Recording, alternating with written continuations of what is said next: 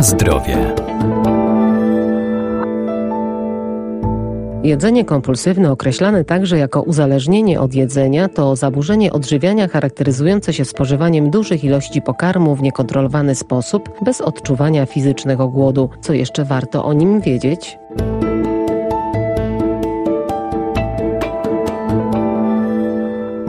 Przypływie dużych emocji czy stresu często zdarza się, że sięgamy po słoną czy słodką przekąskę w celu zmniejszenia ich negatywnego skutku. Co jednak, gdy takie emocjonalne jedzenie nie kończy się na jednej niewinnej porcji i sprawia okresową utratę kontroli nad ilością spożywanego jedzenia, wtedy właśnie możemy mieć do czynienia z jedzeniem kompulsywnym, czyli inaczej zaburzeniami z napadami objadania się. Dietetyk Aneta Peichert. Charakteryzują się one nawracającą utratą kontroli nad ilością i sposobem jedzenia a także ponoszeniem konsekwencji psychicznych wynikających z przejedzenia się. Często nazywane są również uzależnieniem od jedzenia. Na co powinniśmy zwrócić uwagę? Ważnymi objawami, które mogą sygnalizować właśnie takie zaburzenia jest niepokój, przygnębienie, wycofanie z życia codziennego oraz rezygnacja z zainteresowań, izolacja od rodziny oraz przyjaciół oraz unikanie kontaktów społecznych, spożywanie posiłków w samotności lub jedzenie przy stole z bliskimi, jednak późniejsze dojadanie w samotności, ciągłe jedzenie, podjadanie, brak uczucia sytości, niezależnie od ilości spożytych pokarmów,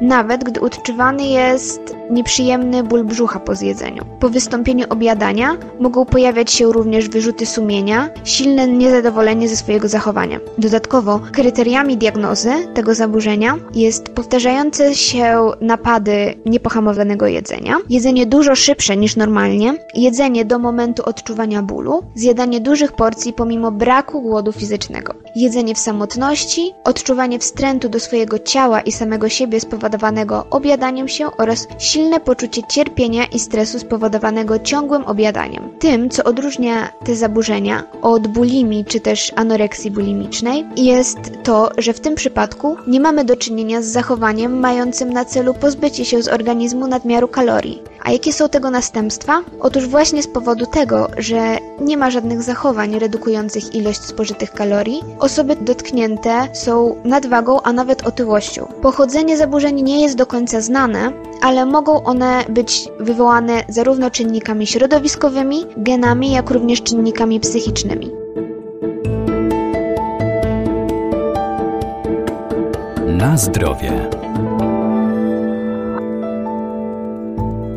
Najważniejszymi czynnikami są jednak te społeczne, które mogą prowadzić do pojawienia się jedzenia kompulsywnego na każdym etapie życia, a także do kumulowania się i do występowania objawów dopiero w wieku dorosłym. Dzieci są jak gąbka i potrafią przyswoić wiele informacji w sposób niemożliwy do zapamiętania przez nas dorosłych. W dzieciństwie najważniejszym czynnikiem są wzorce jedzenia przekazywane dzieciom przez rodziców oraz innych domowników. Częstym błędem popełnianym przez dorosłych jest podnoszenie jedzenia do rangi nagrody czy też kary. W ten sposób dziecko utrwala w swojej głowie obraz jedzenia jako rzeczy mogącej zaradzić jego problemom. Dzieci czerpią bardzo dużo wiedzy o świecie z obserwacji. Jeżeli któryś z rodziców podczas stresującego dnia zajada stres, w dziecku może zaszczepić się taki wzór radzenia sobie z problemami. Częstym zachowaniem w domach, w których mieszkają również dziadkowie, jest podawanie dzieciom bardzo dużych porcji jedzenia i stosowanie dokładek, czy też słodkich deserów jako nagrodę za zjedzenie tego, co mu podano. Jest to mocno zakorzenione w naszej kulturze,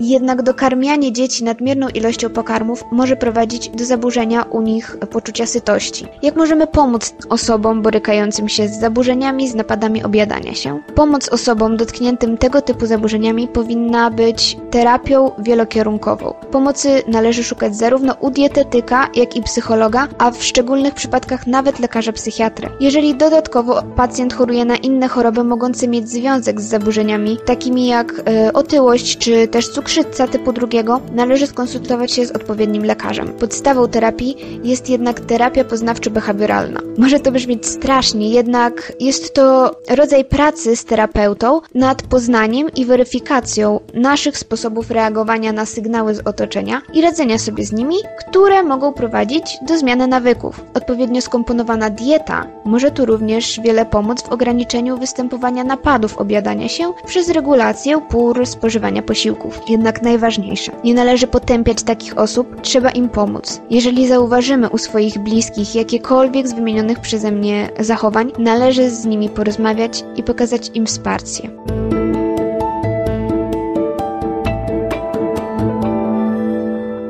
Warto pamiętać, że zdrowy tryb życia to nie tylko odpowiednie nawyki żywieniowe, ale także codzienny ruch i aktywność fizyczna.